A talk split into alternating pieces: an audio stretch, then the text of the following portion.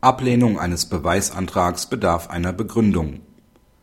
Das Übergehen des Beweisangebots Sachverständigengutachten stellt dann einen wesentlichen Verfahrensmangel dar, wenn dem Beweisangebot ein konkreter Tatsachenvortrag zugrunde liegt.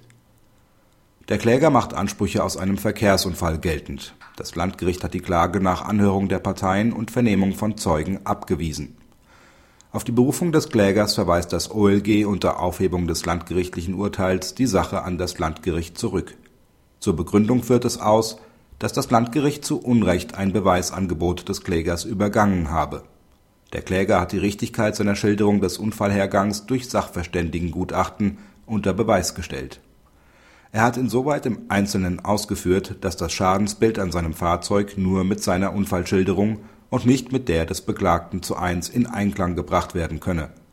Diesem Beweisantrag war das Landgericht nicht nachgegangen, ohne hierfür einen Grund zu benennen das OLG verweist darauf, dass die Ablehnung eines Beweisantrags den Anspruch auf rechtliches Gehör verletze, wenn sie keine Stütze im anzuwendenden Prozessrecht finde. Einem Beweisangebot sei nur dann nicht nachzukommen, wenn das angebotene Beweismittel ungeeignet ist, weil es im Einzelfall völlig ausgeschlossen erscheint, dass das Beweismittel zum Beweisthema sachdienliche Ergebnisse erbringen könne.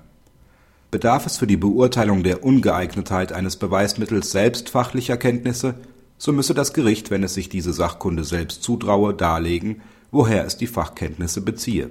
Darüber hinaus könne ein Beweisantritt nur dann abgelehnt werden, wenn er auf Ausforschung von Tatsachen gerichtet ist. Dies sei nur dann der Fall, wenn eine Partei ohne greifbare Anhaltspunkte für das Vorliegen eines bestimmten Sachverhalts willkürlich Behauptungen aufs Geratewohl oder ins Blaue hinein aufstelle. Praxishinweis jeder Prozessanwalt wird die Erfahrung gemacht haben, dass Beweisanträge als Ausforschungsbeweis zurückgewiesen werden. Häufig wird übersehen, dass eine Partei ihren Tatsachenvortrag auch auf Vermutungen stützen darf. Die Partei ist nicht gehalten, im Einzelnen darzulegen, woher sie das Wissen um die unter Beweis gestellten Tatsachen hat.